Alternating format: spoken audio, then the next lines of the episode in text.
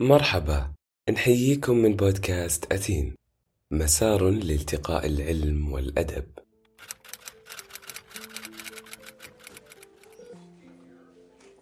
في ليلة هادئة في أروقة قسم الطوارئ لمستشفى معين وفي بقعة معينة. تم الإعلان عن حالة بلو كود اللي تشير إلى توقف القلب أو التنفس للمريض.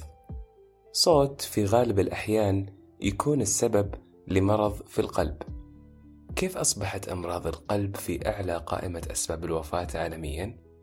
وش علاقة الألم العاطفي في حوادث القلب؟ وهل للقلب ذاكرة كما للعقل؟ لم يوجد عضو تم الاختلاف في ماهيته كما تم الاختلاف حول القلب. طيب، أهو ذلك العضو المسؤول عن ضخ الدماء؟ أو هو اللي يوجد لهذه الدماء مغزى من وجودها؟ لفترة طويلة من الزمن اعتقدت بأن القلب هو مضخة الدماء فقط، وقد يعود ذلك لطريقتي العلمية في التفكير. كنت أظن بأن ارتباط القلب بمشاعر مثل الحب مثلا هي نتيجة أن الإنسان في حالة الحب يزداد نبضة استجابة لإشارات الدماغ اللي يكون في تلك الحالة قد أرسل إشارات لكافة الجسم ليكون في حالة نشاط. لكننا ما نشعر إلا بالنبضات المرتفعة.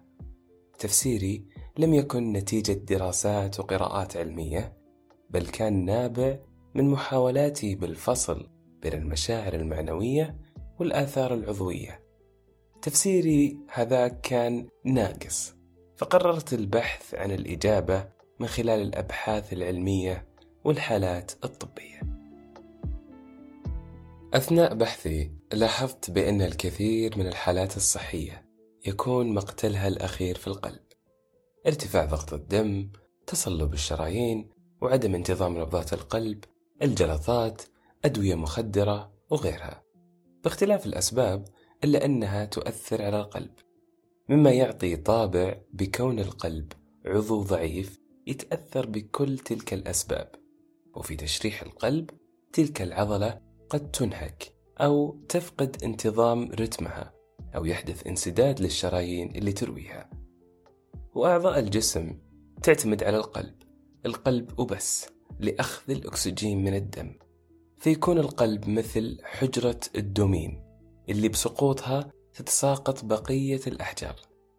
كانت أغلب المحاولات للعلاج هي معالجة ما بعد التشخيص لتفادي مضاعفات المرض فمثلا تم العلاج بواسطة قسطرة القلب الأداة التشخيصية والعلاجية في آن واحد والقسطرة هي عملية تهدف لتوسعة الشرايين التاجية اللي تعاني من الضيق نتيجة تراكم الكوليسترول فتمنع وصول الدم بكمية كافية للقلب. نعم، القلب أيضا يحتاج للدم عن طريق الشرايين التاجية، رغم كونه هو المزود الرئيسي للأعضاء بالدم. قسطرة تدخل أولا من شرايين الفخذ لتستهدف شرايين القلب وحين وصولها لمنطقة الانسداد ينفخ الطبيب القسطرة بهدف توسيع الشرايين لإعادة الدماء لها.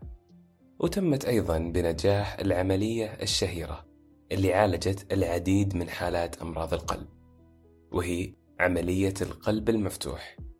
والقلب المفتوح هذا المصطلح الشاعري يصف العملية اللي تتم لزراعة شريان أو علاج صمام في القلب بفتح عظام القفص الصدري وصولا للقلب ومن طريقة الجراحة سميت بالقلب المفتوح.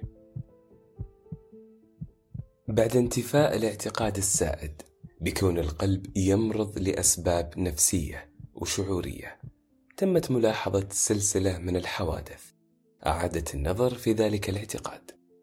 كانت هالحوادث الأشخاص طبيعيين يمرون بأعراض مشابهة لأعراض الذبحة الصدرية بعد فقدان شخص عزيز أو المرور بفترة ضغط في العمل أو حتى بعد جراحة طبية.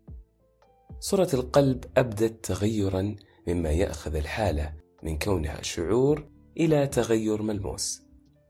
القلب يتأثر بالعواطف.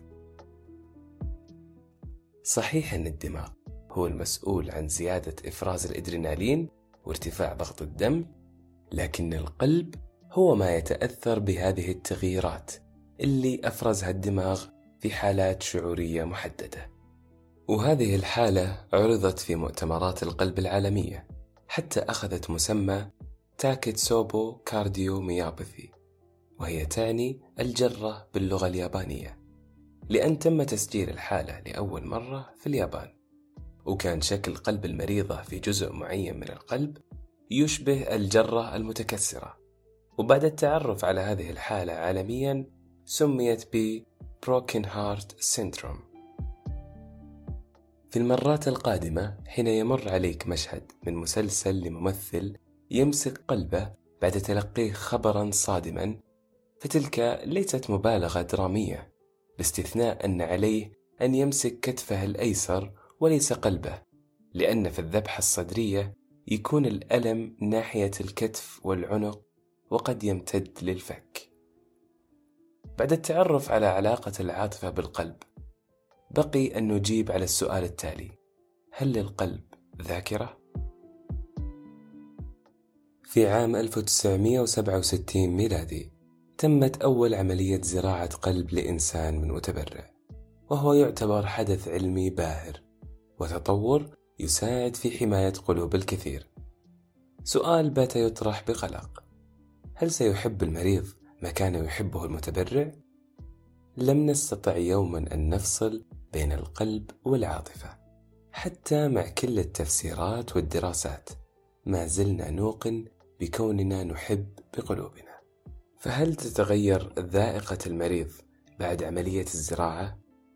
يعني هل من الممكن أنه يفضل أكلات ما كان يستسيغها أو يحب أشخاص ما يعرفهم؟ أو حتى يستمع الموسيقى ما كانت قريبة لذائقته؟ اللي يزيد الأمر تعقيد. هو بعض معتقداتنا بكون القلب هو المرشد لقراراتنا. فدائما نقول أن قلب المرء دليله. لهذه اللحظة لم تحل المسألة. الكثير من العلماء يؤكد أن لا شأن لزراعة القلب بالتأثير على المشاعر. لكن البعض منهم ما زال يسجل ملاحظات مرضاه بكونهم قد لاحظوا تغييرات طرأت على حياتهم شعوريا بعد عملية الزراعة. توجد العديد من الأعمال الأدبية اللي صورت هذه الحالة. المريض اللي يشعر بنغزات قلبه حين يرى شخص كان يحبه المتبرع أو المريض اللي استجدت لديه عادات تطابق عادات المتبرع. هالمشاهد ما كانت تهدف إلى الوصول للحقيقة المثبتة علميا لأن ذلك لا يعد من اختصاصات الأدب ولكنها حاولت أن تصور كيف تكون الحياة بعضو جديد. تعلمت أثناء الدراسة وأثناء الحديث مع المرضى أن أحيانا ليس من المجدي أن يصل المريض إلى الإجابة الحقيقية لكل تساؤلاته التي لن تؤثر على حالته الصحية. فالمرأة التي تستمع لنبض المريض الذي تم التبرع له بواسطة قلب ابنها المتوفي هي ترى أن جزءا من ابنها قد عاد للحياة وأنه عاد ينبض. هي لا ترى القلب كمضخة تتلقى الأوامر من الدماغ وإنما هو عضو يحمل شيئا من تفاصيل ابنها وأنه بالتأكيد لها محل في ذلك القلب الذي ينبض وفي النهاية دامت قلوبكم بكل خير.